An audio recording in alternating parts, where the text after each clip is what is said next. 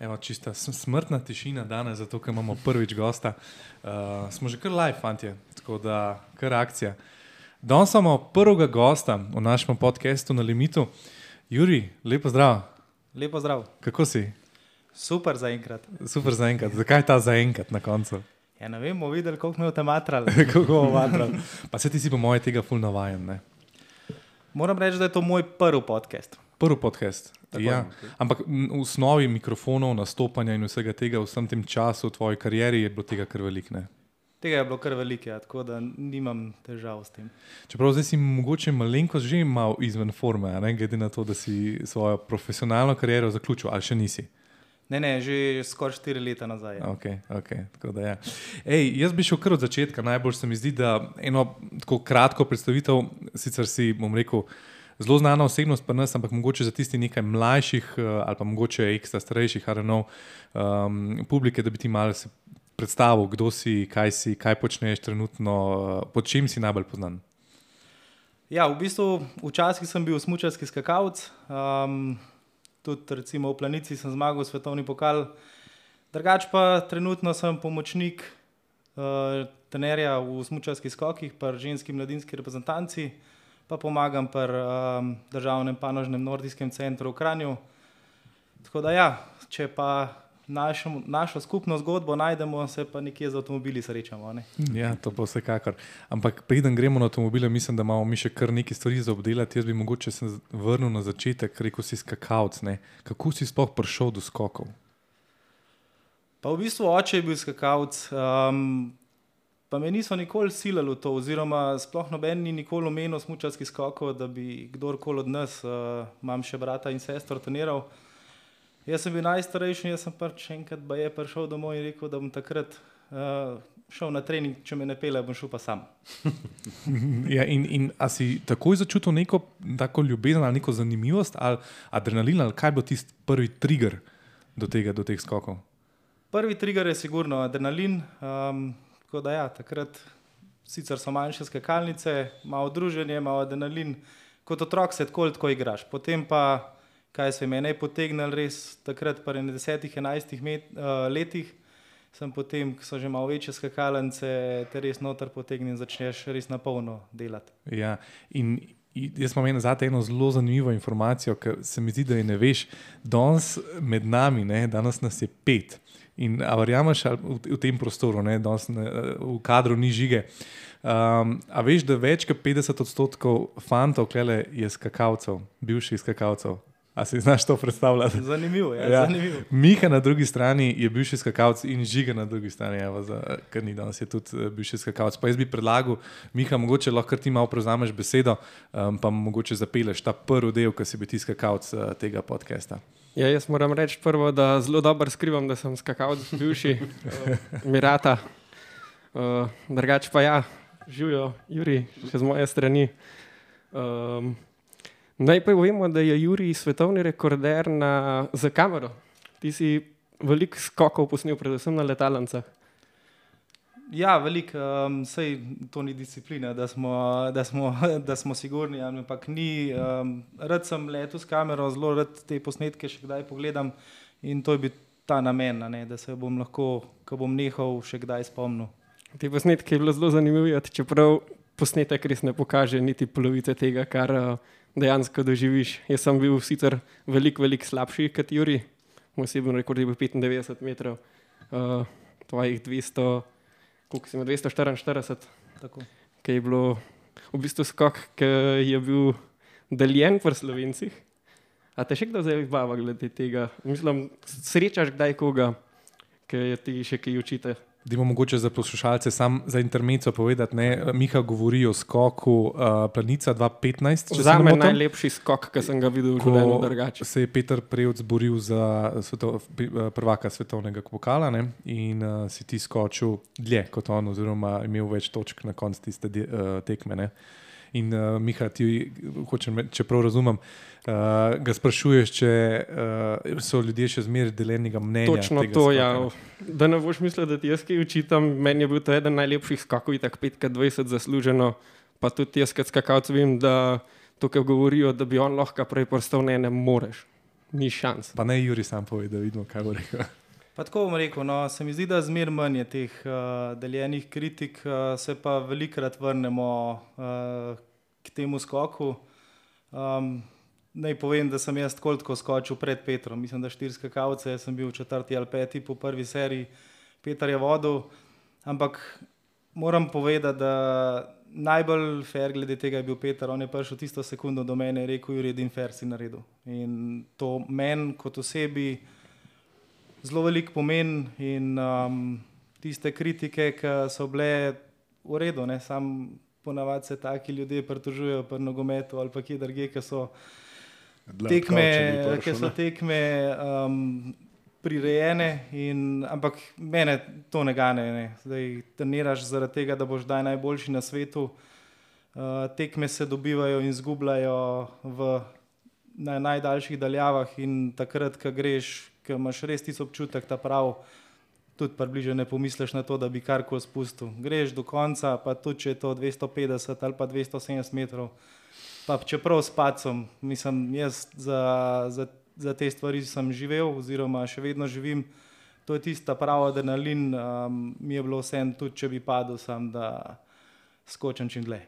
Pa so špekulacije tudi del recimo, um, tega športa, ne glede na to, da je to individualen šport. Recimo, a si ti špekuliral, ok, pero rabi tok pik, uh, a moram jaz skočiti tako ali tako. Ali je to, ali recimo tukaj timska igra, pride kdaj upoštev, bi trener prišel do tebe, hej, gledaš dobro skočil, zato ker te rabimo pred uh, vem, tem pa tem. Ali je kdaj taka komunikacija, ali je to straightforward k cilju, tistmu, ki ga imaš. Moram reči, da se mi nikoli ni to zgodilo in sem zelo hvaležen ljudem okrog mene, da se to nikoli ni zgodilo. Pa tudi mislim, da to ne, ne so do šport. Uh, konc koncev se je tudi pri Petrki, pa Funakiju, mislim, da je bil Kasaj takrat. Uh, Isto je bilo, ja. ja Lihko, sem povedati. In nekako to ne, ne, ne sodi v naš šport, in ko karkoli smo individualen šport, treniramo še zmeraj skupaj. In mislim, da ko se enkrat to začne, se začne krhati tista ekipna idila, boljš, da se kdaj to zgodi, ker um, konec koncev podpreš drugega, oziroma ga brtneš urit, da je lahko še boljši. Mhm. Kaj je bila pa tvoja največja želja v skokih doseči? Ali si imel največjo željo po svetovnem rekordu, uh, svetovni pokal, olimpijske igre? V bistvu vedno sem imel največje želje na velikankah, uh, svetovni rekord, uh, vse tako kot sem rekel. Jaz, mene ne bi motil, če bi šlo kdaj zelo predelač, recimo tako kot v Haraku.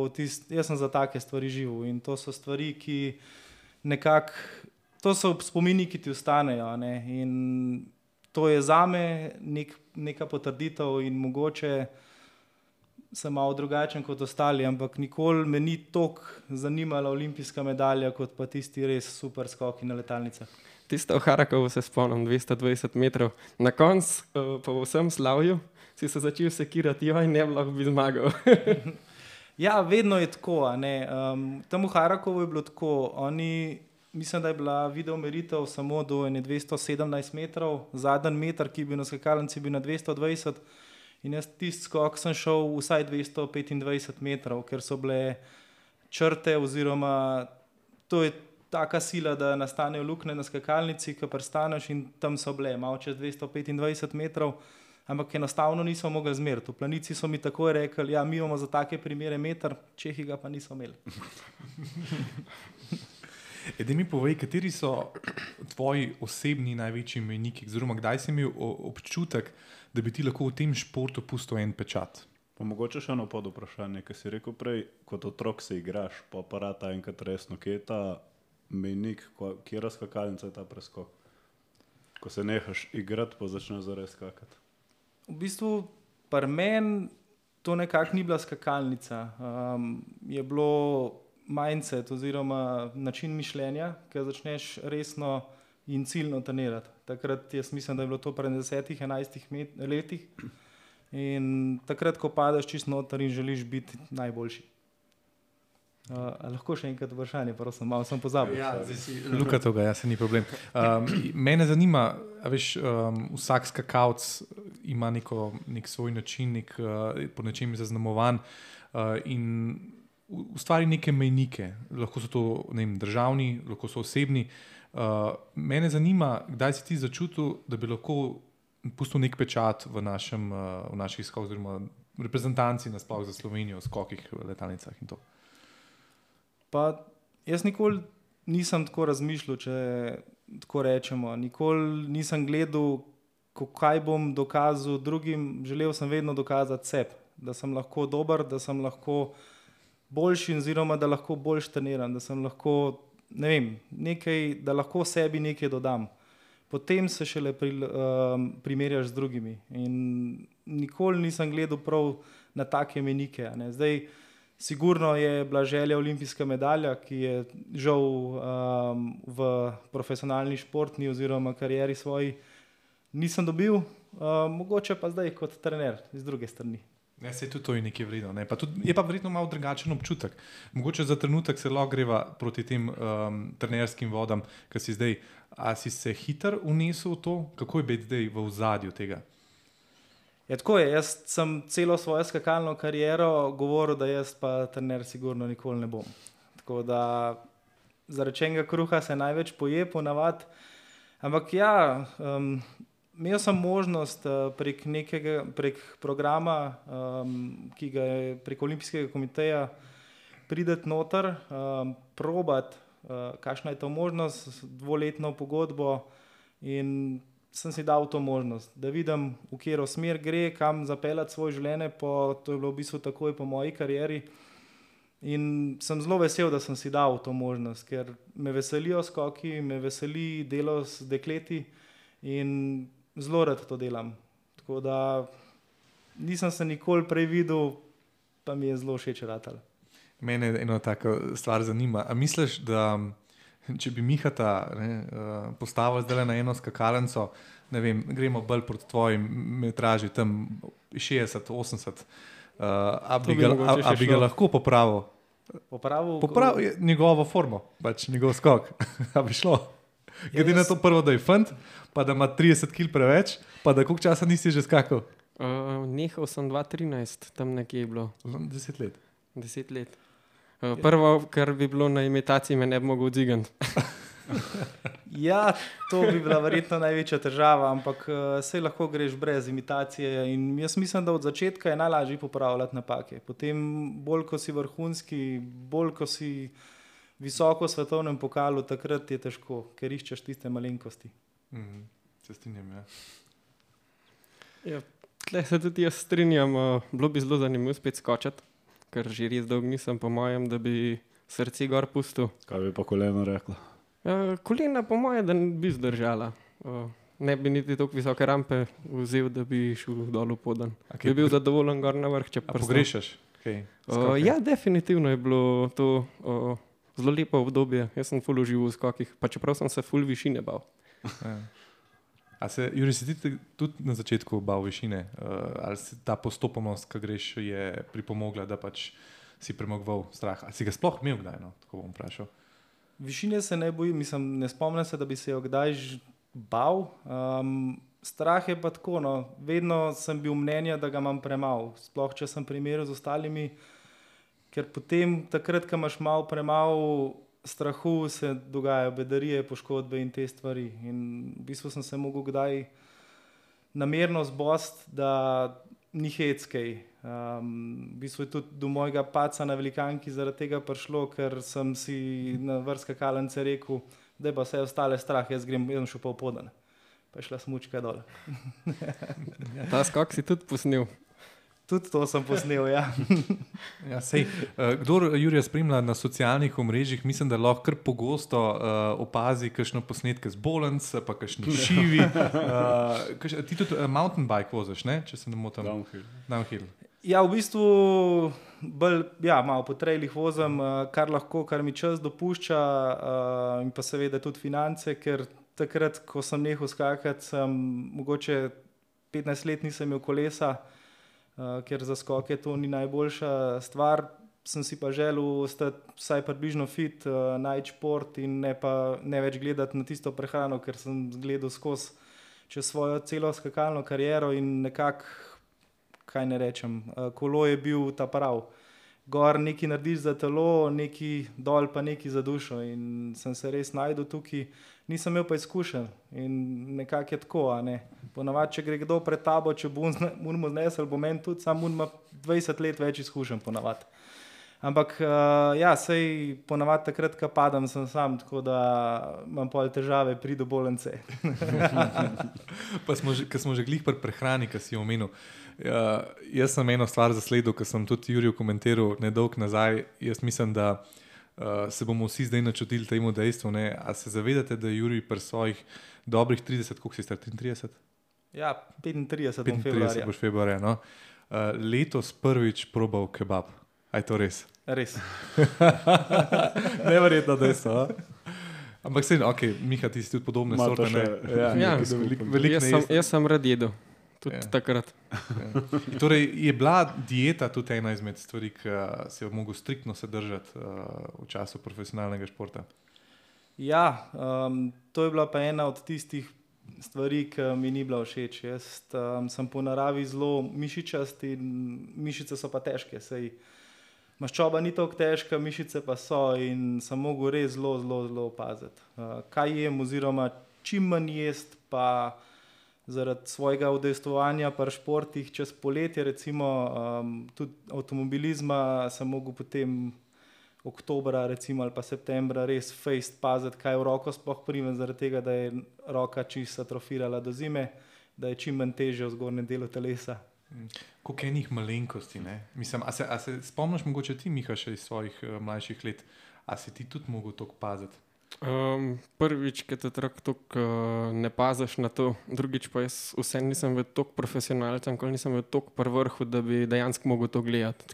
Ampak si pa ska- skakal še z enim našim slovenskim fantom, mislim, da se z Jurjem nisi, no, ampak uh, z enim si, a ne z enim se poznaš. Si. S Cenetom, Ja, ali? s cenetom, domnom, žigom smo bili v Triglavu skupaj in to so bili vsi so skakalci, s katerimi sem jaz zgor rasel. Aha, aha. Uh, zaradi ceneta sem v bistvu tudi nadaljeval, ker na 40-metrski je prišlo do teh težav z višino. Mhm. In uh, v Kranju je bila ful velika želja iti na 40-metrsko, v Ljubnem, ki je pa praktično ista skakalnica, sem imel pa prevelike oči. In me je cene na pizdu je rekel, zdaj pa če, če misliš v Kranju skočiti, boš le tudi kaj ista skakalnica in nevo. Od takrat sem pa izmeren premagal strah, pa užival vse do 100-metrske skakalnice. Um, kaj pa, Juri, bom rekel, bom rekel, te nesreče, nezgode, ki se zgodijo, ne so tudi del uh, samega športa. Si, bom rekel, nagnjen po tvoje k temu, ali se ti zdi, da si imel sploh v svoji karieri kar srečo s tem? Ja, zdaj, to je zelo težko, um, odvisno koga vprašamo. Jaz sem pri, mislim, da 11 letih izgubil vranico na skakalnici. Uh, sem imel kar srečo, da sem padel v Beljaku, ker je bolnica pet minut stran od skakalnice in sem imel kar srečo, da sem preživel. Po drugi strani pa v bistvu celo svojo skakalno kariero nisem imel ene težave s poškodbo.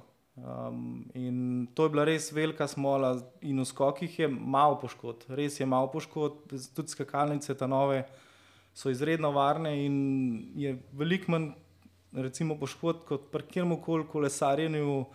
Um, kaj pa vem, tudi pri nogometu je več poškodb, pa če damo samo to v kontekst, smučanje pa sploh ekstrem. In tukaj so skoki, če bi rekel, zelo varen. Jaz sem imel pač malo to smolo, da sem takrat zelo nesrečno padel, ampak takih poškodb je izredno malo. Mm, mm. Sej, ampak eh, jaz, recimo, doskrat, ko se pogovarjam s kakšnimi trenerji, sicer ne iz tvojega športa, ne, um, ali pa kakšnimi fizioterapeuti, mi je, in se kar nekako strinjam s tem. Dejstvo je, da se mi zdi, da so telesa človeška, ena bolj nagnjena k poškodbam, ena pa mal manj. Boš naredil lahko isti gib, pa si bo en zvil gležen, en si ga pa ne bo. Ne? Oziroma, kako bo tudi telo odreagiralo na samo poškodbo, je tudi zelo zanimivo. Eni tako, eni tako. Ne? Je pa tudi res, pri skokih se ogromno dela na gibljivosti. Uh, Ker pri nekaterih športih uh, ti ne rabiš biti um, tako guma, pri skokih pa ne vem, jaz vse skakalce, ki se spomnim, so bili gumijasti, da besedno tako gibljivi. pri vsem. In mislim, da je to tudi en razlog, zakaj pride do manj poškodb kot nekje druge. Mm, mm. Ja, mislim, sigurno je to en izmed razlogov, da predvsem je, seveda, ja, so gibljivi, po drugi strani pa, če jih 80 ali pa 90 kg tla užge, drugače kot če jih 55 ali pa 60. In zaradi tega je manj poškodb, gibljivost, pa koordinacija predvsem. Meni vem, da je velika koordinacija pomagala, da takrat, ko se nekaj zgodi, ko se moraš v tisti stotinki sekunde odločiti, ali pa v ne vem, pol sekunde odločiti, kaj boš naredil, ne razmišljaš. Mhm. In um, enostavno narediš gib, ki te v bistvu pol reš. In tisti, ki se bo strašil, ki bo videl, da gre smuča dol, ki se bo strašil, moraš ali začeti rešiti, ali pa se odločiti, da boš rešil drugače, pa šel na hrbet, ker ponavadi je padec najbolj varen, če vidiš, da gre na robe na hrbet. In če imaš dovolj časa, je to najboljša možna zadeva. Je pa res, da si moraš pa zaupati, da ti bo to ratalo. Da mi eno stvar povej, doskrat jaz res redno spremljam skoke, sem velik ljubitelj skokov. Um, in opazil sem eno razliko pri ženskih in moških skokih, pa, zlo, pa bi te prosil za obrazlago. Ugotovil sem, da doskrat dekleta, ki ne zmorejo um, pristanka speljati uh, um, kot bi mogle, se uležejo na pokrčenih kolenih nazaj. Kaj bi rekel, veš, da malo zaplavajo, zaplavajo tako, ne, in, in podrsajo pol v bistvu in s hrbtom, zriti, najprej z ritijo, pa s hrbtom dol. In doskrat se mi zdi, mislim, tega jaz pri moških ne zasledim. Ne. Pač on ponovadi zajebe ali mu potem smučko mal uh, premakne ali kakorkoli, ampak ni, nikoli pa ne vidim, da bi se jih tako ulegli nazaj. Dekleta sem jih fulkrat videl. No. A je, je kakšna razlika? Jaz bom rekel, da je predvsem razlika v glavi, pa ne v glavi zaradi tega, da bi se bale, ampak mm. v glavi zaradi tega, ker vemo, da to naredi polovica svetovnega pokala in potem je to normalno ne? in je to spremljivo. In pri fantih pa tega ni. Mm -hmm. In um, je v bistvu z tega vidika težko. Je treba stvari spremeniti v svetovnem pokalu, um, povedati puncem, da naj si zaupajo in tako naprej.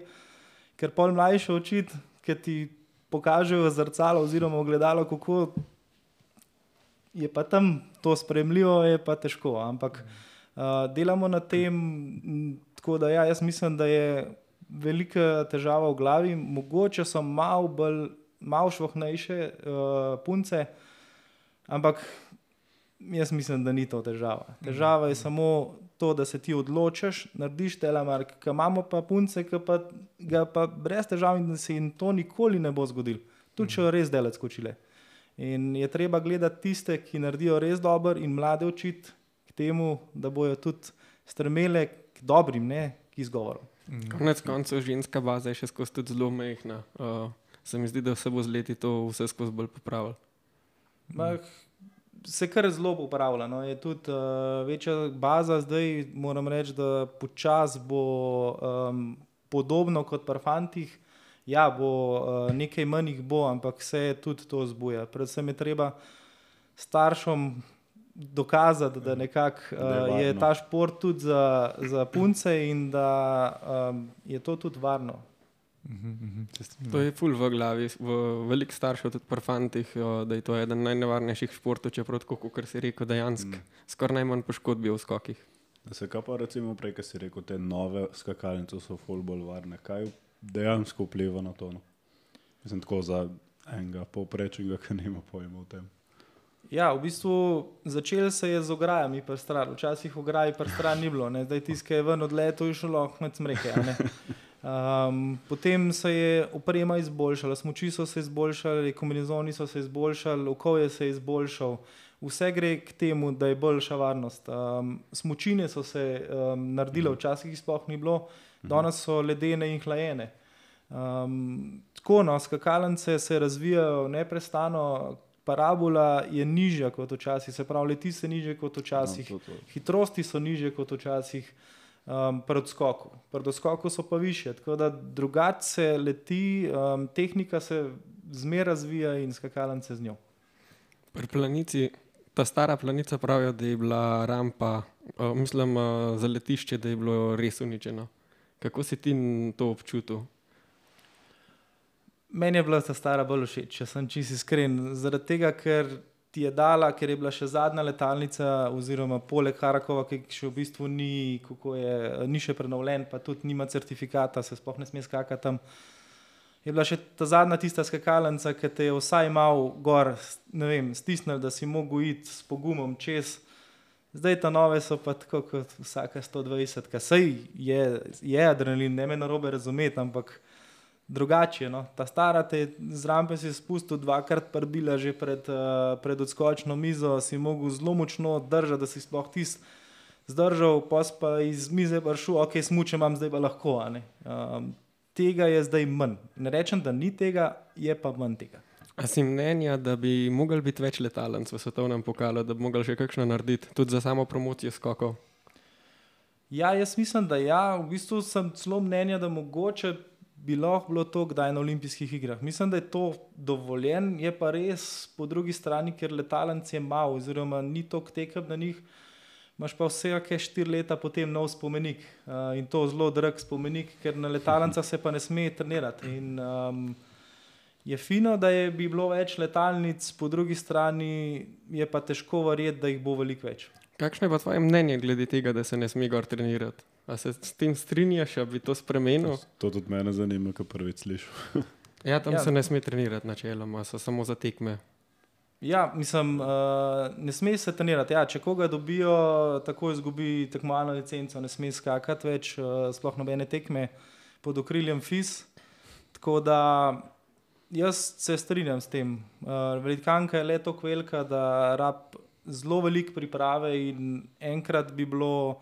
Že tako je kar nekaj pacov, in če bi bila malo slabša pripravljena, je to lahko zelo, zelo nevarno.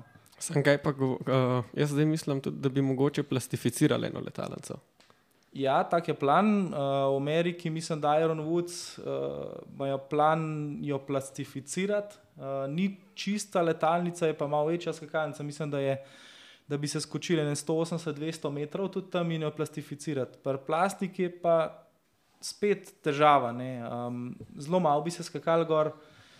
Spet je navarenka plastika, je pa še tako, malo premalo je zalita, te zaž- zažgete do dol. Ne. Mislim, že na 120 ki pasti je malo to drugače kot na snegu. Jaz tudi na velikanki v planici, ki sem padel, sem se spodaj od 200 metrov naprej po komovcih pelil, ker me je enostavno žgala, ne. ker to je poštampana skakalnica in to samo drgne, um, tako da bi dlani drgnile eno v drugo, ampak to traja kar nekaj sekund.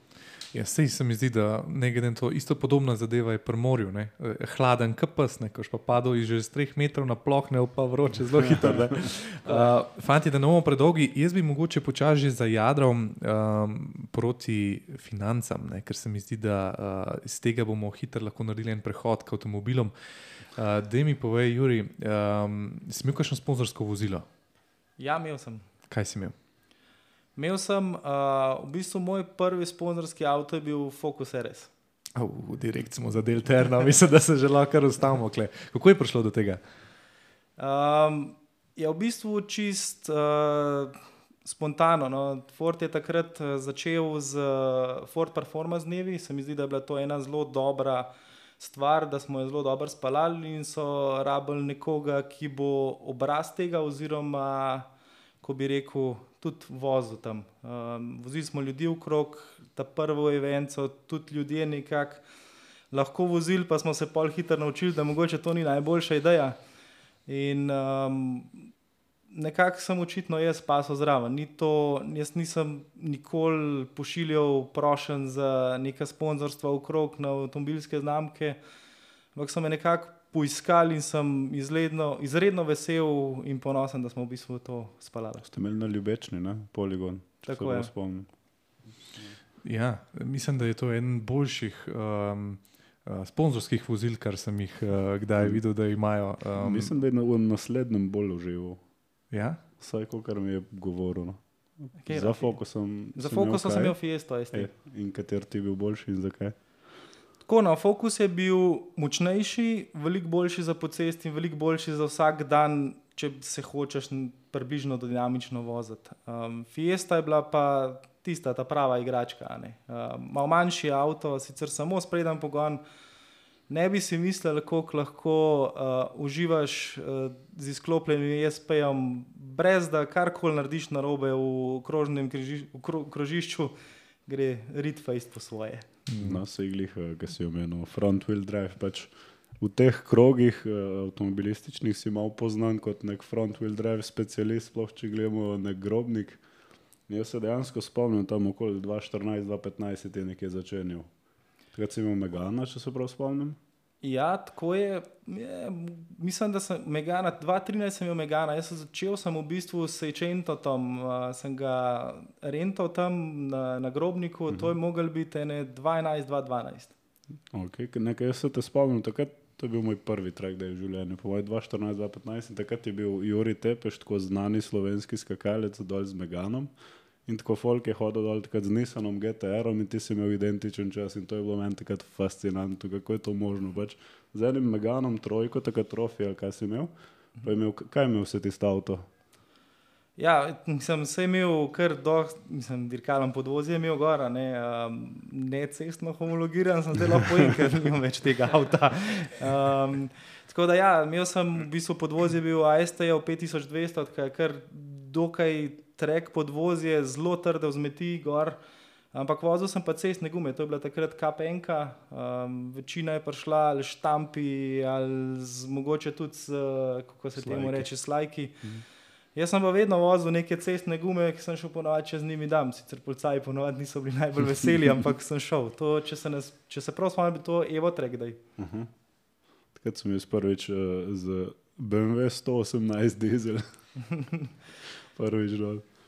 Pa preden gremo, preden uh, nadaljuješ, Luka, mogoče še korak nazaj, oziroma konkreten korak nazaj. Kje je bil pa tvoj prvi avto? Moj prvi avto.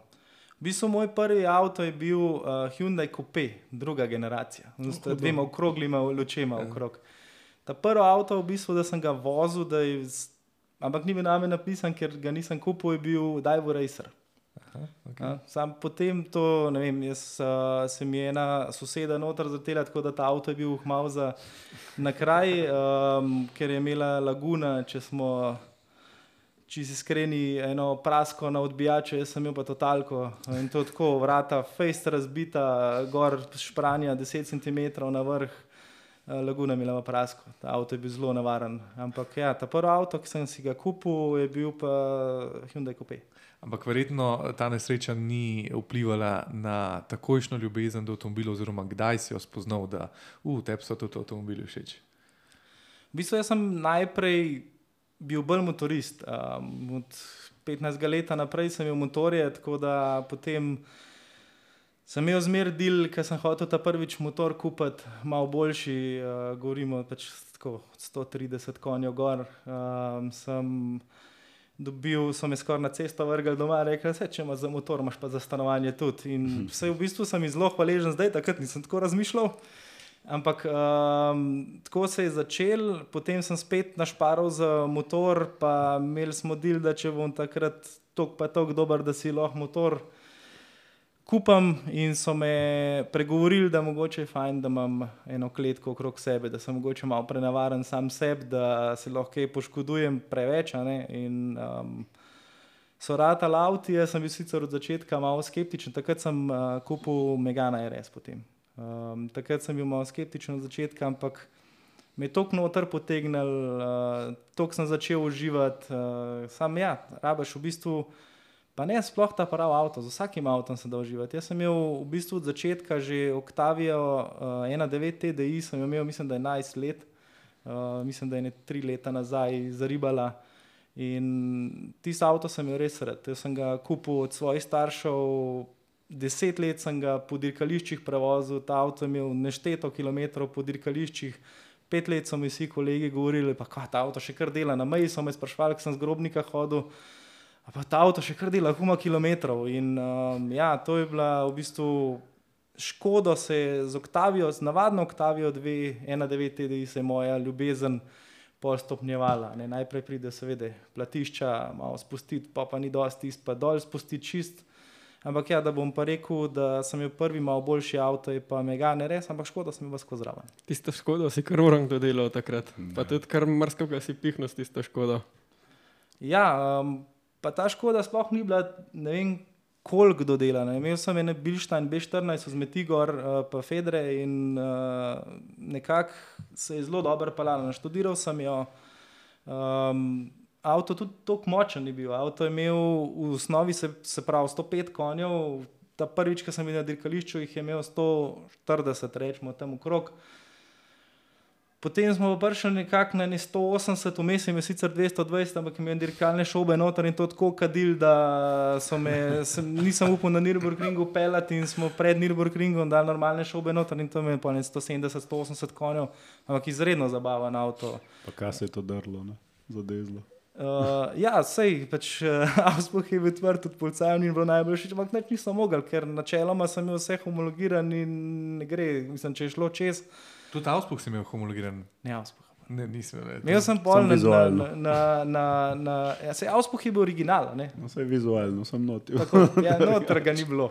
Uh, tako da v bistvu pol vse naprej sem pa imel tudi Avspuhe homologiran, še distančnike sem imel vedno homologirane, ker se mi dal s policaji ukvarjati in pa ne s policaji. Vse se mi zdi, da je prav, po drugi strani, po eni strani se mi zdi neumen, da imamo kitajske stvari, ki grejo v avto, pa jih ni treba homologirati, zdaj pa boljša stvar jo pa rabimo homologirati, ampak Se mi zdi, da je pravno, da ni anarhija, um, sem imel pa zmeraj vse homologiran, ker ponavadi hočejo na tebi uh, narediti. Se mi je enkrat zgodilo, da so hoteli malo pokazati, pa sem imel na, srečo vse homologiran, takrat, od takrat naprej nisem imel težav. Kateri je bil pa tvoj najljubši avto, ki si ga kadarkoli lastil? Zdaj, mogoče je to malo nehvaležno izpadalo, ampak fokusa sem imel zmer serijskega, ker ni bil moj, ga nisem mogel predelovati, ni bil tisti moj, moj. a ne. Tako da najhitrejši, pa najljubši je bil uh, Kupra. Se pravi, vse je Leon Kupra, letnik 2015, trackpack, mislim, aj športen paket, ne vem kaj, 370 mm. Diski spredaj, pa že štiribatne brembo zavore, to je bilo za tiš čas, kar orang, dobro, danes ima to vsak avto skoraj. No, se, glih tega avta bi se tudi lahko malo dotaknili. Ima še ne dve take zelo zanimive, po moje, pa tudi povezani s to majico. Ja, v bistvu tako je. Jaz s tem avtom, ta prvič, ko sem šel na Nürburgring, smo glih vzmeti, pa podvozje smo menjali. Čakali smo ga v bistvu celo zimo, prišel je tri dni preden smo šli na Nürburgring, ti smo zmontirali in so bili napačni federi, pretrdi in to na Nürburgringu, to ne je dopustno. A Ne, ne, praktično ne vozen avto, vsak ovink. Me je bilo strah, kva se bo zgodil, rit je letela po svoje, vse po svoje letelo in bil nevaren avto za Nürburgring. Ampak ti let smo rezervirali še spa Frankenšomp. Ne vem, če sem prav na glasu to, ampak uh, v Belgiji spa smo rezervirali, tja smo šli in najboljši dan na dirkališču do zdaj moj.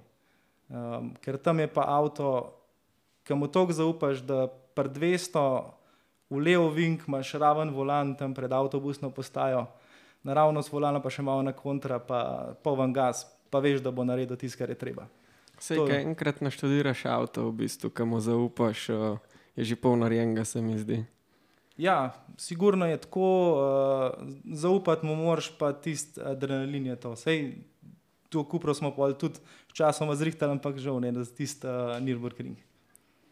Kaj je bilo pa, mislim, ne vem, se lahko o tem pogovarjamo, se želiš, ampak kako se je končala ta zgodba, je tudi bilo nekje na Nürburgringu. Ne?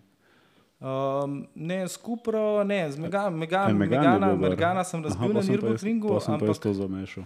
Tako je, ja, um, seveda, ja, tam mi je par Kaj se je 200, tam zgodilo dejansko? par 235, 240 mi je zablokirala mašina. Se pravi, avto se je na ravnini obrnil za 90 stopinj, tako da sem še na Kje je 200 to? na uro ograjo. Uh, Šveden krojc. Oh, Um, pr- glih čez, to, čez pukal, takrat se je še malo šlo po zraku, ni še bil pobran. Sem jaz gas spustil in sem dol preletel, je bila mašina zablokirana, samo utihno je avto. No, sej, z, da boš malo razumel, zato to kvrtam, ker mi smo imeli prvi podcast, prejšnji podcast. Okay. Um, smo imeli eh, dejansko temo Nürburgring in smo tudi govorili malo o tem, kaj se zgodi, če se zgodi to, kar se ne sme. Tako da, če mogoče lahko malo več o tej tvoji izkušnji z Nürburgringom iz v bistvu, te slabe platine, če lahko še svoje poveš, kukar.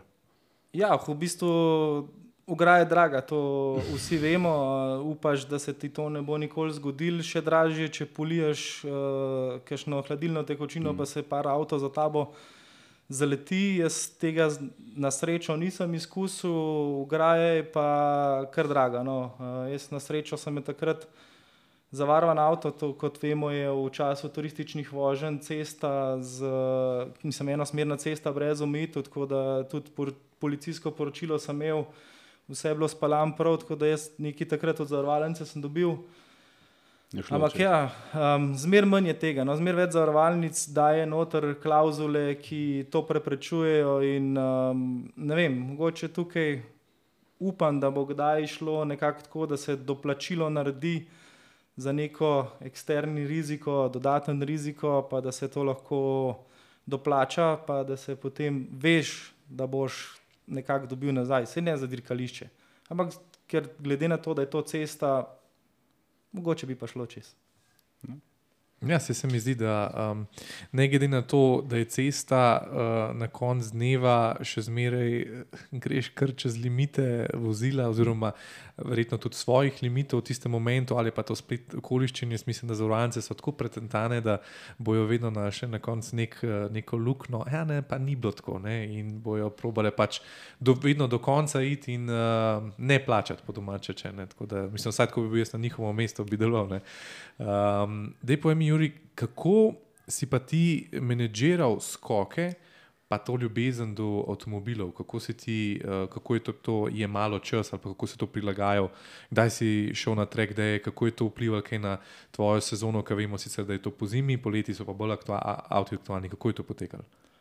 Ja, v bistvu se meni se zdi, da je kar dober. Um, ta dirkalen del, oziroma track day del, je bil meni odklop od skokov. Takrat, sploh takrat, ko sem malo slabš skakal, sem vedno to rabu. Um, Najdel sem se tukaj, ljudje tam mi ustrezajo in za me je bilo to nek odklop. Zelo rad sem hodil na trek, da je glih zaradi tega. Ne? Šport kot eh, šport in profesionalen, tam je zmer neka tenzija v zadnji, zmer imaš občutek, da bi ti en najrajš uh, klinčke od, odrezal, pa da bi padel, pa nekaj tazga. Prideš na dirkališče, tam bi ti pa vsak pomagal.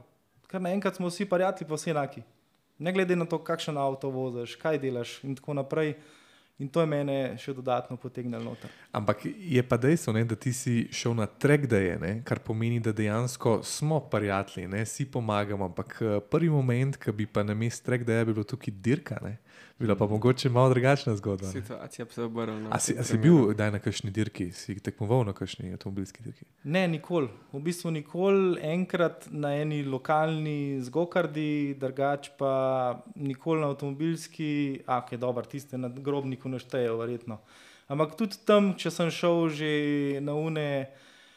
A to Na- te, ki so po, po trek daju zvečer ali pa popoldne, ki je pa polmat kakšna dirkica, da to ja, si to ja, si ali šel. pa vmes, ne. Sej, Ja, ja, ja. ja. To je diva liga, tam je ponače slabša. Ne, in, um, tako no, jaz ponavadi je bil problem v tem, da sem imel manj konjev kot ostali. Lahko sem imel boljši reakcijski čas, bolj sem štartal, ampak štarta se na ravnini. a ne. So vsi tisti, ki so potem na ovinkih nazaj držali, mim preleteli in to je treba fejst paziti. Mm. Zaradi tega, ker okay, jaz sem že lahko pazil na druge, sam če bom pa mimo hotel, iti, bom imel pa malo večjo težavo. In Mm. nekako nočeš avto razbiti, ni nujno, da so pa vsi istega mnenja. Ja, ja. A, pa si, a pa imaš željo, mogoče ta moment, če bi imel priložnost, um, da bi odvozil, ne vem, kakšne dve, tri dirke, ali pa mogoče samo eno, recimo, ne vem, s kakšnim lemama, recimo, par zanimivih dirkalnikov, bi odvozil, recimo, en Clio Cup, eno dirko, bi se usedel v tak avto, pa šel na nož, kot se je treba pač iti v tvojem športu na nož. Tako bom rekel, če bi imel prej šanso za kakšen trening, da bi videl, ali mi to sploh ustreza, ali mi to avto ustreza, bi šel na nož. Ja, seveda, bi hotel iti na nož in bi To si si, želel ne? to. Zdaj, da bi, pa, da bi šel pa direkt v tekmo, glede na to, da me ostali že ne vem koliko tisoč kilometrov z njimi avti odgo- odvoženih, tega se pa mogoče ne bi šel. a ne. Mm. Jaz si na koncu dneva vseeno moraš imeti neko kilometrino, malo moraš biti vsaj pripravljen, da veš, kaj, gre, eh, kaj delaš. Ne? Uh, konc koncev tudi eh, Clio Cup uh, vozilo je dobro vozilo, pravo dirkalno vozilo. Ne? In tudi nekaj stane. Ne? Sej tudi, če boš to uh, šel v maline, ne? boš tudi mogel nekaj evrov dati, ne, ne samo na Nürburgringu. ne. Ja. Še malo več, kot na Nürburgringu. Ja, ja. Okay, Ne. okay. Ja, pa si mogoče kdaj vozil še kakšno drugo pesto kot Nurburin pogrobnik. Uh, ja, spa sem vozil, pa sem vozil, kaj je tlele v, na mačarskem, Panonija. Panonija. Panonija, dobro, te krško, Lindau Ring, to ne štejemo. šteje. Um, ko pa sem pol še, No, in verjetno sem še kaj vozil, pa sem malo. kjer ti je bila pa najljubša od teh razen Nürburgring? Uh, spa, sigurno. Uh, v spa je sicer tako, zdaj pod 300 konji avto nima smisla. Vozil sem tudi spal, držal, pa sem se imel izredno dober. Uh -huh. Uh, je bilo zelo dober, fajn avto, fejst odnaša rit in uh, mi je bilo fajn. Spa v suhem s 350, rečemo, konji plus je pa tista ta prava pista. Sem koliko je imel ti Leon tam nekje? Um, ja, tisti Leon je imel,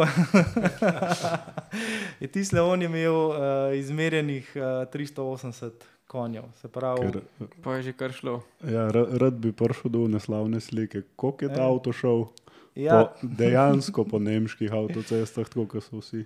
Ja, avto je šel 310 po nemški avtocesti po Števcu, moram reči, da ni bilo iz Kranca dol in tako naprej. To je bilo, mislim, da takrat najhitrejša kupra, kar so obstajale, zaradi tega, ker so imeli skoraj vsi DSG menjalnike. DSG menjalnik je bil malo krajši in ni šel, je šel tam okrog 300, 298. Jaz sem imel pa zelo redek menjalnik, ki je bil pa ročen menjalnik, ki je bil pa malo daljši. No, ta menjalnik je šel na blo do blokade 310. Ti si načeloma kar fen ročnih menjalnikov, a ne? Bi, No, bi, zdaj smo bolj- tam, ne, zdaj smo pa tam. Ne, naš Miha, ljubitelj ročnih menjalnikov. Ne, in No, mislim, povej, da ponos. avto imaš, da bo. Jaz malo- vozim Peugeot 208, by Peugeot Sport. Pa Tam Fiesta.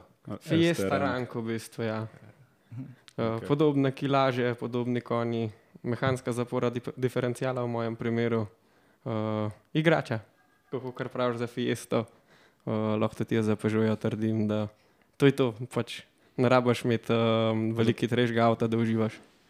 Sploh za ceste.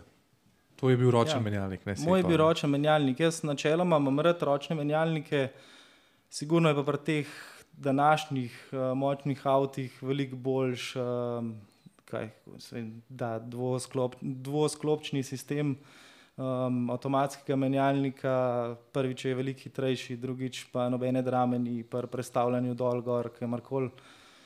Ja, jaz sploh s prednjim pogonom je ročni menjalnik nekaj, kar ti doda um, tam do ne 300, 400, mogoče tudi 450 konjev, je to fajn, potem pa zmeraj večja težava rata, vsaj za, ko bi rekel, nas, navadne smrtnike. Drugače pa jaz, zdaj vozim um, te trojko.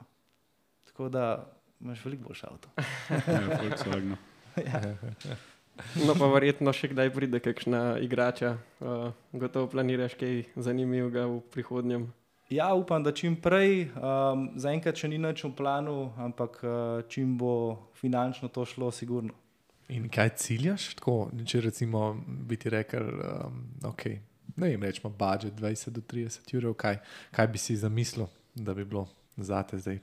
V bistvu si želim bolj zadnjega pogona ali pa štirikolesen pogon. Se mi zdi, da sprednje pogone sem dokaj naštudiral, me ne veselijo več tok. Um, štirikolesen pogon za recimo avto, ki bi bili ranga Focus RS, da je še zmeraj lahko zabaven. Uh, drugače pa ja, če govorimo o 20 tisoč evrih, Jaz mislim, da mogoče celo kakšen dizel tam do 5000 evrov, pa 15 tisoč evrov predelavo. a ne. Tako kot smo ponovadi fanti, ki hočemo upravičiti, um, da v 5000 evrov vreden avto uh, vložiš naslednjih 15 tisoč evrov, da se imaš fajn. Mislim, to smo mi res strokovnjaki. Tuning je tudi definitivno, bi jaz rekel, ena posebna sorta, ki lahko rečeš, da tudi gojiš ljubezen. Prav do tuninga. Jaz priznam, jaz sem en izmed tistih teh ljudi, ki eh, ne morem pustiti avtomobila pač stok, ker je to meni je to. Um, Okay, lahko bi pustil eh, avto, ki je vreden Jurija do 2 Jurija, ki je zimski vagen, ki ga imam tudi, ne, v tega res ne bom vložil. Ne. Ampak uh, drugače pa sicer, zakaj ga ne bi spustil 3 cm, pa da v en distanček, da to že v osnovi izgleda malo lepše, pa mogoče da malo lažje dihal, a ne, kakšen intek in take podobne stvari. Ne. Je tuning je ena ljubezen, se mi zdi. Ne.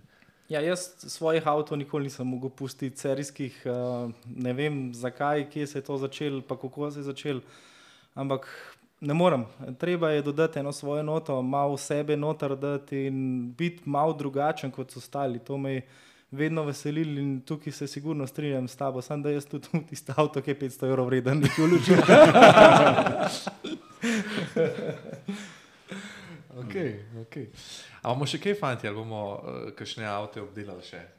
Jaz bi mogoče šel, koliko ste pa s fanti iz skokov šli na kakšne dirke ali gokarde ali pa kaj. Ste imeli kdaj kakšne take zabavne dni, pa kdo je bil najhitrejši?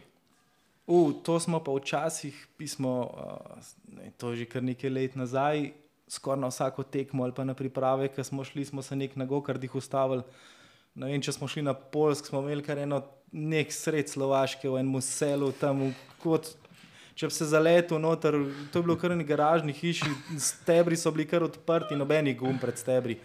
Pa polhan ga smo šli mim, to je, mislim, zmeri smo šli pred kakšno tekmo, sicer ali pa pred treningom. Sicer ni bilo najbolj za naš, ampak v skokih je tako, no, glava je 90%. In takrat, ko glava štima, ko si ti sproščen, takrat bojo tudi rezultati. In smo na gokarde, eno obdobje, rečemo, da dve, tri leta skoraj zmeraj šli, kamorkoli smo šli. Pa pri dirkanju je v bistvu zelo tako, da čeprav moraš full misliti, se mi zdi, da gre glava na off, se resetira in to je res to pri skokih, kar rabaš. Ja, zaradi tega sem jaz v bistvu hodil in na trek daje in tako naprej, um, tudi na gokarte vmes, um, kitr modrikaču in tiste dvotaktne stvari, ki ti je ni treba imeti doma, pa v bistvu se lahko greš še zmeraj fajn imeti, je to neki, sup, ena super zadeva. No. Tim je ne, tudi uh, velik ljubitelj. Ja, pa uh, Domen tudi. Pa Domen tudi ne. A sem Tim, ja vem, da sem videl na grobniku, a je Domen tudi šel že.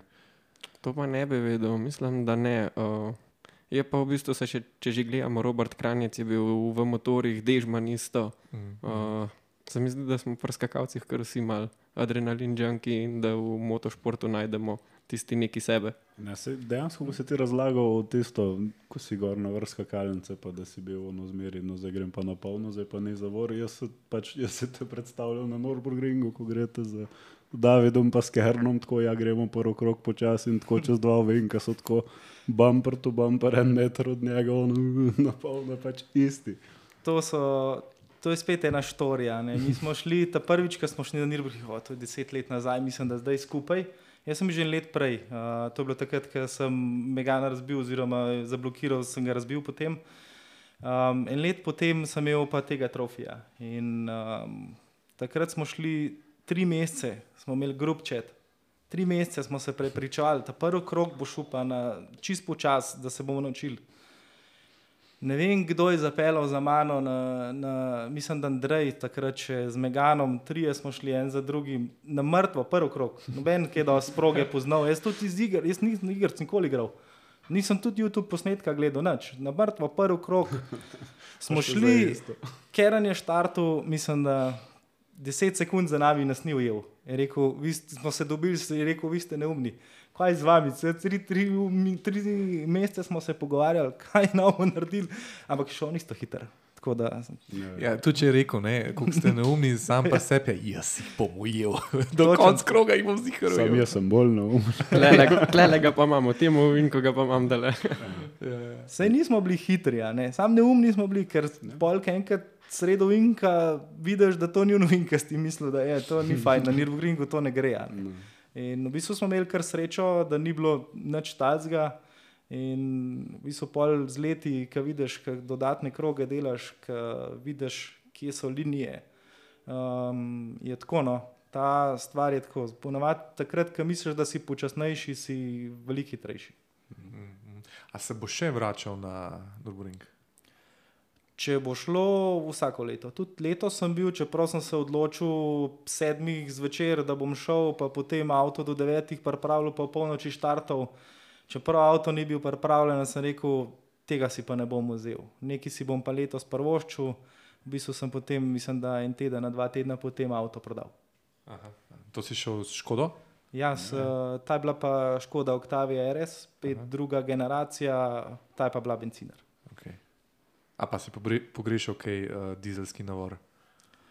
Um, tako bom rekel, um, pri tako predelanem avtu ni toliko dizelskega navora, uh, zaradi tega, ker je ta turbolukna tako velika. Razen takrat, ko sem imel pa tiste šobe, ki so tako kadile, takrat je bilo pa super, ne? takrat je pa ne, vem, pri 1800 obrati začel šponati in je šponal na full.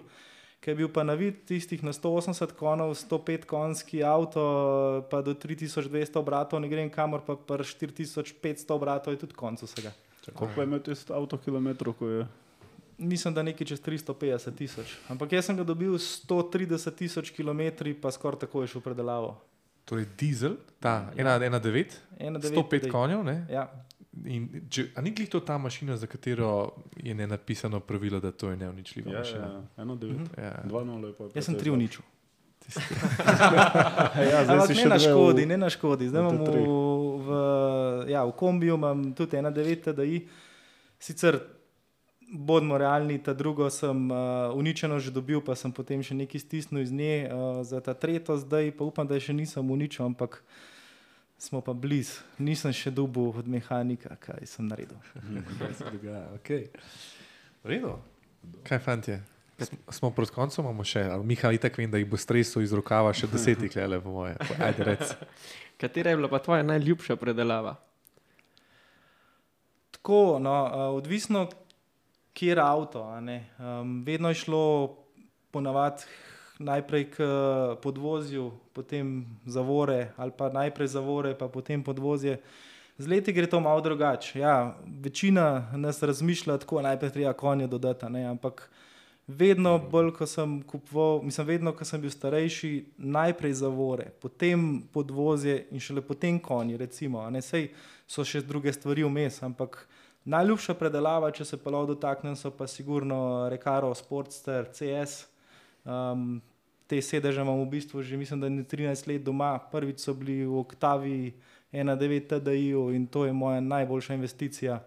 Zaradi tega, ker um, se ne zgledajo tako, ampak po 10-12 urah se usede, mislim, sedenja, vstaneš iz avta, um, svež. Mm. Tako da, tako no. Glede na redkost, koliko se redko pojavljajo, kjerkoli na avtonetu, ampak kamorkoli, jaz mislim, da poslušalci, po mojem, že zdaj le, a slučajno prodaš, ker tega res ni veliko. In Tudi- te sedeži so res, res so, mislim, tudi sam sem že parkrat sedel v njih, pa bil prevezan. Ampak ti imaš tega, ker imaš lahko potem štetočkovni pas gor. Ja, ja, Ja, seveda. ja, Ja, ja. ja. Uh, tudi z boki ujačanimi, ja. um, ampak ja, tako bom rekel. No, ne deset ponudb sem dobil na zadnje, ker sem jih v škode dal že, da bi jih prodal, um, pa jih šparam za naslednji projekt ali pa karkoli bom imel, zaradi tega, ker mi je to res tisto, kar naredi ta pravi stik z avtom in jih ne bi rad prodal, ker vem, da mi bo žal. Ja, se strinjam. Ja. Ja, pa težko jih je dobiti nove. Sploh. Uh, ja, jaz sem nove kupil, um, direktno pri Rekarotu in so tudi kvaliteta je neprimerno boljša kot te, ki so prva ugradnja v avtih. A Ja? Ja, mislim, kar nekaj avto sem prevozil s temi sedeži, um, sploh pri Meganih sem imel težave, da so naslonjala lezla nazaj, um, pri Fordih malo manj in sem se pol malo zanimal, zakaj bi to bilo. Seveda, ne, če ti pri novem avtu doplačaš 800 evrov za sedež, ki je v bistvu, v bistvu zdaj nov, če ga direktno kupiš, Jure Dva- pa 2000 ali pa 2000 evrov z sankami vreden, um, nekako mora nek tr trpeti ta kvaliteta. In tukaj je, ne, manj garancije dajo, kvaliteta trpi, slabši materiali. In, ja, moji sedeži so sicer stari, ampak izgledajo pa po, mislim, da 12 letih boljš kot pa pol leta stari v fokusu. Uh, fora je, ne? mi vedno gledamo, koliko kilometrov ima avto. Ne? A bi ti lahko seštel kilometre, koliko jih imajo tvoji sedeži? Oziroma ta, ta, ta komplet sedežev. Pa nimajo tako, jaz bi rekel, da imajo ne 300 tisoč km, nimajo to velike. Tri, no, to je vse nekaj veliko, pa ne, pa samo tvojih. Ja, ja. Samo tvoj, ja. Kar nekaj, ne? 300 tisoč To kar nekaj. kar. Ja. Ja. Pa če praviš, da so v zelo dobrem stanju, ne? to je super. Ne? Ja, ja. Mislim, sej, še ene sem imel, jaz sem imel dva kompleta sedežev, ene sem dal skupno naprej, mislim, da se zdaj celo še prodajajo, oziroma se nekaj časa nazaj so se.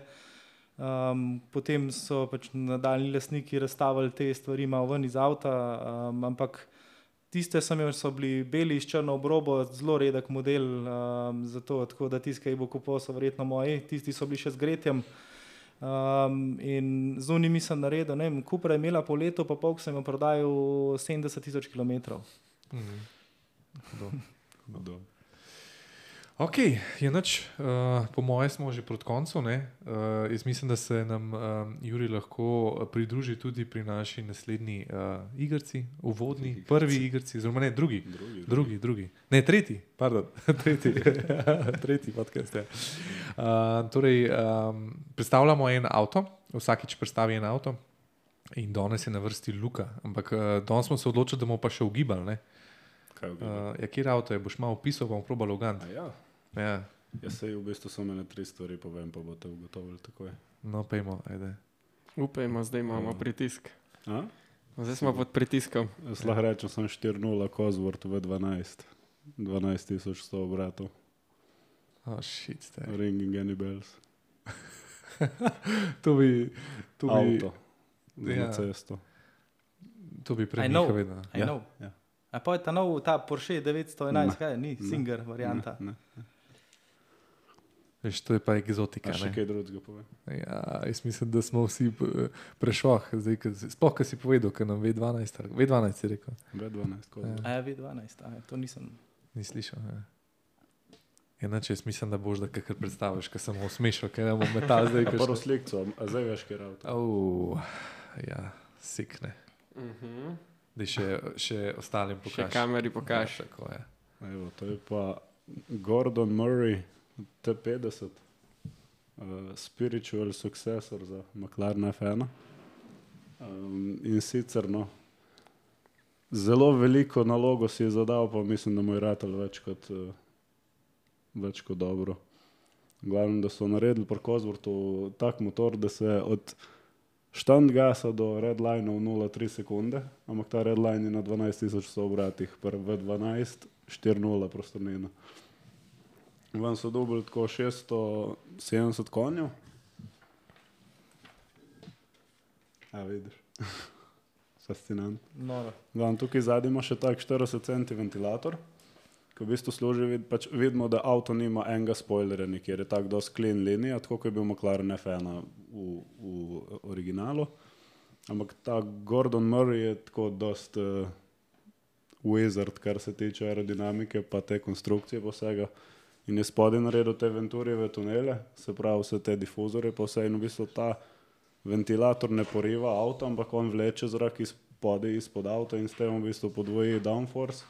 In so delali dejansko meritve, da iz 150 mil na uro do nule se v 10 metrov prej ustavi, zato ker ima tukaj več nadzoga. Koliko je pa težak? Ja, se to je pa še najboljša stvar. Uh, 980 kg. On si je vzel za benchmark eh, Alpino A110, samo da ima noter v 12 uh, bez polk 4.0. Uh, avto je tudi uh, tri sedežni, se pravi isto, kot je bil McLaren F1, centralni driving position, pa se pravi dva sopotnika in prostor za prtljagoma. Tako In to je že- road legal, ne? Ja, seveda. Sto jih bojo naredili, tako ne moreš ga kupiti. Uh, ker pač Nisi imel priliko. Tudi če bi ga lahko verjetno. A ja, pa Miha še zate, uh, šeststopenski Open Gate Manual. Uh, Čak res? ja, pa zadnji, zadnji pogon. To, to bi kar bilo Pač za dejansko Kozvort je samo za njega naredil motor, po njegovih specifikacijah so mislili, da ne bo možno, pa so na koncu naredili še boljši motor, kot je on hotel. On je hotel vsaj 11.000 vrtljajev in zdaj jih ima. On ima maksimalno moč po 11.500 vrtljajih in to pač samo gre, pa gre, pa gre. A smo že povedali konje? Ja, 670 konjev. 670. To 980 mora biti noro.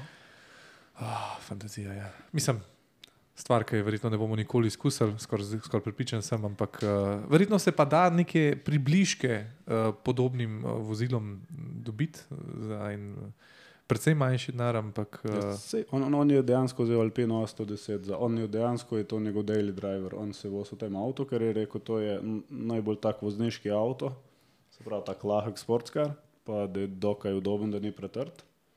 Je rekel, on je hotel ta feeling pa ustvariti v enem hypercaru. okay, Se pravi, okay. da tako, avto je še zmeri 2,7 milijona plus davek. Uh, tako, for the record, ne. ja, Ampak tako avto nima nose lifta, nič, ker ima dejansko je tako mehak, pa tako ima ground clearance, da pač nikjer ne zapneš, vse posod priješ lepo. Pač to je tako uporaben avto, on hoče, se to uporablja. Uh, mm. Tako da ne vem, meni že je sam koncept tega avta mi tako bolan, da pač če bi imel toliko denarja, da bi mogel nek hiper avto kupiti, pa da bi imel možnost, bi sigurno to zbral. To je eden En izmed kriterijev, ne, katere imamo za ocenjevanje. Ne? Ja, torej, uh, desetka, meni Kol-. Koliko, uh, Juri, da boš vedel, ne, torej, ocenjujemo uh, tri stvari. Imamo, ne, torej, uh, koliko ti je všeč v estetiki, ne, koliko ti je avto všeč od nič do 10, 10 je največ. Ne, Uh, druga stvar je, um, koliko bi ga dejansko imel, če bi, uh, Ga imel imel, če bi ga lahko imel. Kaj bi pa že ti kriteriji imamo? Pa kol- koliko se ti zdi, da ima street presence, oziroma pa če se pele po, ne vem, Kako bi se folk obračal za njim? mimo Ja. ja. varca, a bi bil opažen ali ne, oziroma kako, a bi bil na pravi način opažen. Ja, tako da dajmo si 10 sekund, da te stvari si spišemo, to se pravi, koliko je, uh, koliko je seksi, koliko bi ga imel, pa koliko se glave obračajo za njim. Ne? Ja, neč bom jaz kar začel, da no tišina. Ne? Ja, jaz bi rekel, da je ta avto seksi od nič 10, 8, oziroma bom popravil 8,5. Uh, avto mi je full všeč, 8,5 je za moje cene zelo lepa ocena. Um, tako da, Cezar Dor smo, sem da še več. ok, Mogo- pres, mogoče je ok, devetka, ajde, dam devet. Evo, Predstavljam, no, to nisem vedel. Evo, Pa, pa mogoče si preslišal, da ima zadaj ventilator. Ja, to vem. To okay, drugi kriterij, um, koliko bi ga dejansko imel, če bi ga lahko imel, devetka, spet, ne vem, zakaj ni desetka, dajmo desetko pustiti za nek, pač neko popolnost, ki jo bom najdel, mogoče v kakšnem izmed avtov. In pa koliko se mi zdi, da se bi obračale v glave, sem dal pa kar maksimalno ceno, vse je V12, uh, ročen menjalnik, avto, verjetno z brutalnim glasom uh, in uh, zelo lepa estetika. Uh, bo, bo pač povzročila, da se bodo ljudje dejansko zdrznili, ko, bojo, ko bo avto šel mimo njih. No. Tako da to, je moje, to so moje cene. Next? Moj Jurij je dal Ajde. besedo. Ajde. Ja, jaz bom kar iskren. Meni na prvi pogled um, ni to všeč, zaradi tega, ker um, bi vsem dal kakšen spoiler. Uh, tako da zdaj, če ocenjujejo samo izgled, mi nekaj manjka, tako da sem mu dal sedem. Ti povem disclaimer, obstaja neki Lauda Edition, track only. Mogoče bi bil on zate. Sam, ja, mogoče, ampak problem je Ja, ja, ne, ne, ne, se vem, sem to. Pa disclaimer številka dve obstaja Maxton. Uh, ja, v bistvu sem mu sedem dal. Uh, koliko bi ga imel, devet, pa bi mogoče bilo celo deset, um, če bi ga probal na stezi, ampak da jim reči devet, ker ga nisem probal. ker- Um, point. bi, se pa- bi se pa obračale glave, sem pa tudi dal devet. a ne. Mogoče če bi bil zelen ali pa nekaj tasga, bi se še malo bolj. Top Gear je testiral takega modrega. on- Sem, sem iskal tisto eno lepo sliko, pa sem niso dal na čuha, je res gor. Ja, zdaj smo se spotaknili ob uh, srbrno, ne? kaj to Ja, srbrno? ja. Okay, okay. No, Miha.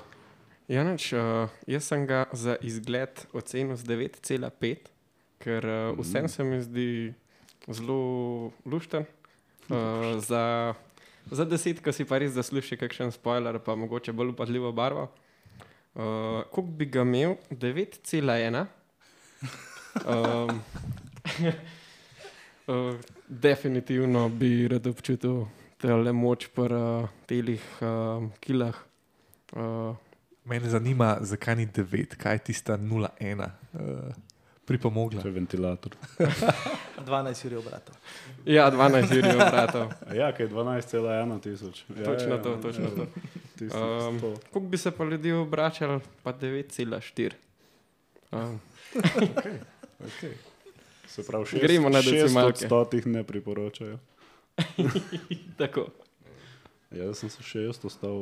Um, ja, jaz bi tudi, recimo, izgled sem dal 8,5, ker mi je všeč, ampak dejansko nisem tako. Mi je kak avto še bolj všeč. Imel bi ga 10, ker mi je pač to perfekcija. Tudi, uh, ko poslušaš Gordona, kako govori o tem avtu, s kakšnim entuzijazmom, kaj on delal, pač to bi lahko poslušal skozi. Uh, zdaj, ko bi se glave obračale, sem dal po 8,5, glih zato, ker če bi ga slišal, bi bilo 10. Ampak, če greš pa ti lepo čez center, mislim, da je pa še zmeraj tak dizajn, da je tako dost under the radar, ni tako kot Apollo ali pa kaj takega, ki misliš, da se boš urezal, ko ga gledaš. Pa, ne tako da tukaj imaš še malo lufta. Tako da 8,5, 10 pa 8,5.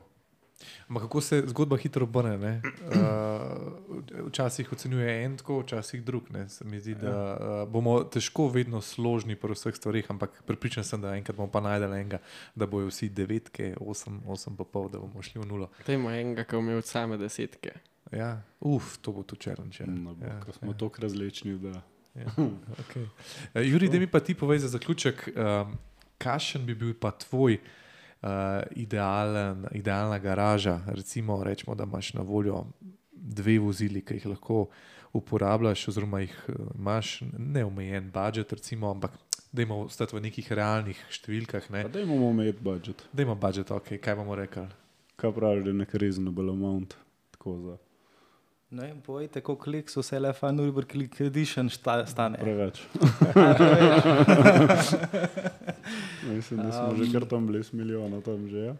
Ja, dajmo reči, no, da avto, ki sem si ga zmeri želel, pa bil parkrat zelo blizu, uh, pa ga nisem imel, je Lens Revolution, verjetno 8 ali pa 9. Um, pa zaradi verjetno, ker ima vpliv uh, hitri in drzni, franšiza Nissan R34 GTR Skyline. Da sem se bal, da še rekel sopra. Pa si, pa si lepo, lepo si se zvlekel. Ja. Super, Ej, uh, Juri, hvala ti, da si si vzel čas. Uh, kot naš prvi gost smo zelo, veseli, da si tudi sprobil uh, simulator in da si postavil prvi cajt. A smo si zapolnili žiga, ga bomo kle na levi izven kadra. Koliko je imel cajt? 1,36, to bomo dali na leaderboard, um, tako da uh, vsi prihodni gosti bodo probali tvoj čas uh, zboljšati, da bomo tudi o tem obvestili. Uh, tako da boš prišel nazaj, pa popraviti rekord. Da... No, mogoče enkrat malo prideti na trening, ker jaz ja. se s takimi stvarmi, da v bistvu drugič, ko sem jaz z volanom vozil, sploh avto, uh, pa še to um, ne, nikoli formule ali pa česar koli blizu. Tako da ja. Um, Imam še rezerve, ampak to so še, še do, sam dodajamo na listo igrač, ki bi jih imel. Definitivno. Da te vprašam, to, kako si pa v tem užival. Uh, pa kakšna se ti zdela Monca, ki si rekel, da nisi nikoli vozil gor na nje? Super, Miha, da si zdaj izdal, uh, katero pisto imamo. okay. Vse drugega ne vejo, uh, ne vejo ostali, ne vejo, uh, karakteristike. Tako je. Ja. Uh, ja, mislim, mi je bilo zelo všeč. Uh, jaz vem, da mi je to všeč, mogoče se kdaj takih stvari malo izogibam, zaradi tega, da nimaš preveč enih ciljev, pa stvari, ki bi jih imel. Um, recimo ta, to, kar smo se prej, če se dotaknem, Lens Revolution je bil tak. Jaz sem imel veliko časa voziti tak avto, pa sem zmeraj rekel ne. Zaradi tega, ker enostavno, če, vem, če bi ga pelo, bi ga hotel imeti. Ja, ja. Mogoče hiter, ne bi bila finančno to najboljša odločitev. Ja, ja. Se strinjam. Ja. Good, Ej, hvala ti še enkrat, tako da pa do naslednjič. Ja, hvala, um, ja. se vidimo. Čau. Čau. Čau. Čau.